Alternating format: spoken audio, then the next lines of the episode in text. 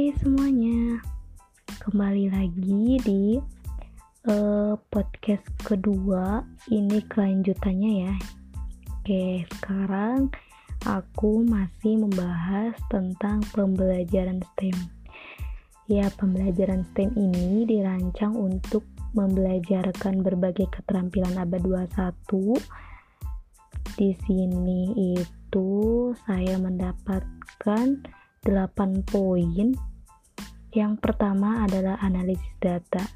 Nah, terlepas dari akses aksesibilitas kalkulator pada segala hal, kemampuan seseorang itu untuk menganalisis data sangat penting, disertai dengan kemampuan untuk menarik kesimpulan dari data yang diperoleh. Yang kedua ada metagonisi.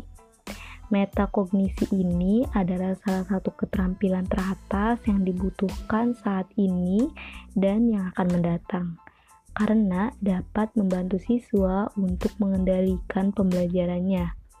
Metakognisi ini adalah pengakuan atau pemahaman terhadap pikiran diri sendiri. Yang ketiga ada literasi informasi. Dari informasi berita yang kita dapatkan, berita yang kita peroleh ini menggunakan sumber yang dapat dipercaya atau tidak gitu ya.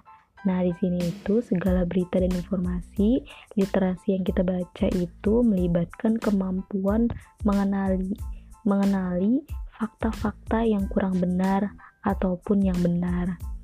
Yang keempat itu ada kesadaran global. Nah, saat ini kita dapat berhubung dengan orang di mana pun tanpa memandang jarak.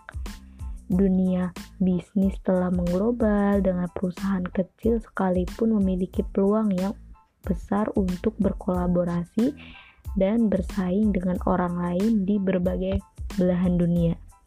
Nah, kesadaran global ini adalah salah satu keterampilan yang harus dimiliki ketika siswa lulus studi mereka kelak.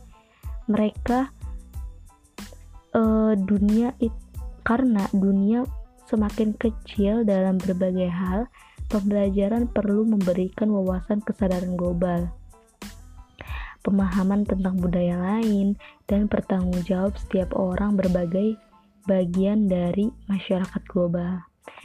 Yang kelima ada pemecahan masalah. Keterampilan pemecahan masalah ini belum menjadi perhatian yang serius di abad 21 ini. Padahal, Keterampilan ini sangat diperlukan dalam komunikasi dan bekerja.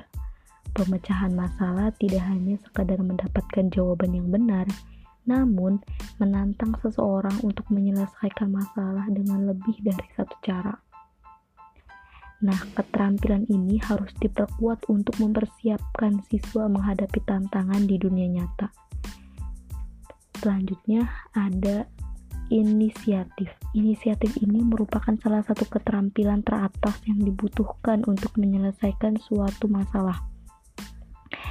Sesuatu eh, yang sering kita hadapi di dunia nyata gitu ya, ya di dunia kehidupan sehari-hari. Tidak hanya menunggu perintah seseorang saja, inisiatif itu mungkin uh, sulit diajarkan, tetapi dengan pendekatan STEM ini dilatihkan kekuatan inisiatif siswa. Yang ketujuh ada kepemimpinan. Kepemimpinan ini berarti dapat membangun orang lain, membantu orang lain menemukan kekuatannya atau menemukan uh, semangatnya gitu dan menyelesaikan konflik dengan cara yang adil dan masuk akal. Pengembangan kepemimpinan membutuhkan waktu lama tetapi keterampilan ini sangat penting dalam kehidupan siswa kelak. Nah, STEM ini memerlukan kerja kelompok yang akan melatih kepemimpinan dalam kerja tim. Yang terakhir ada fleksibilitas. Nah, selain kepemimpinan dan inisiatif, keterampilan fleksibilitas juga diperlukan untuk keberhasilan seorang.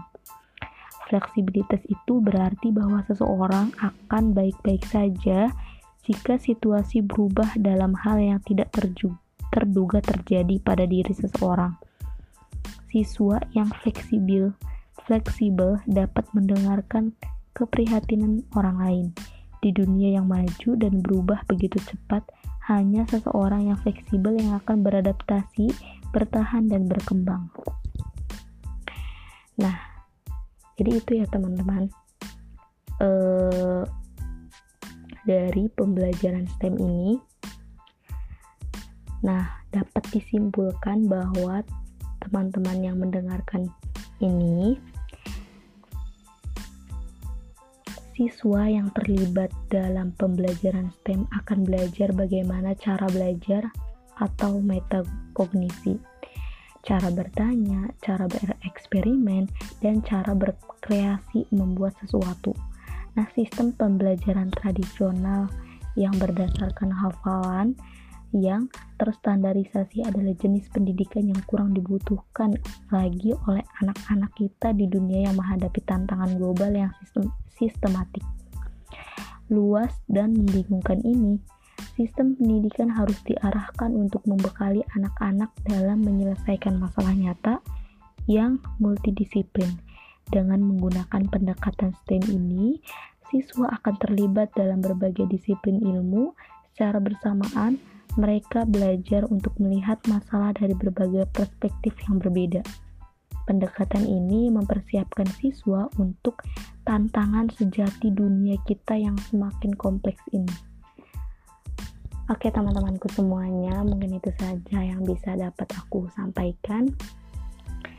Oh, mungkin ada teman-teman podcast di sini yang kurang setuju atas uh, apa yang saya katakan. Boleh kita sharing uh, boleh kita uh, berbagi ilmu.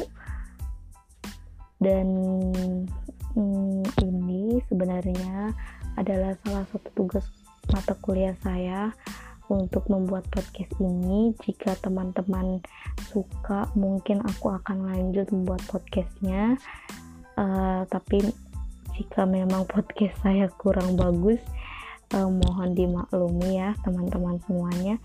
Oke itu saja. Kurang lebihnya mohon maaf. Bye bye semuanya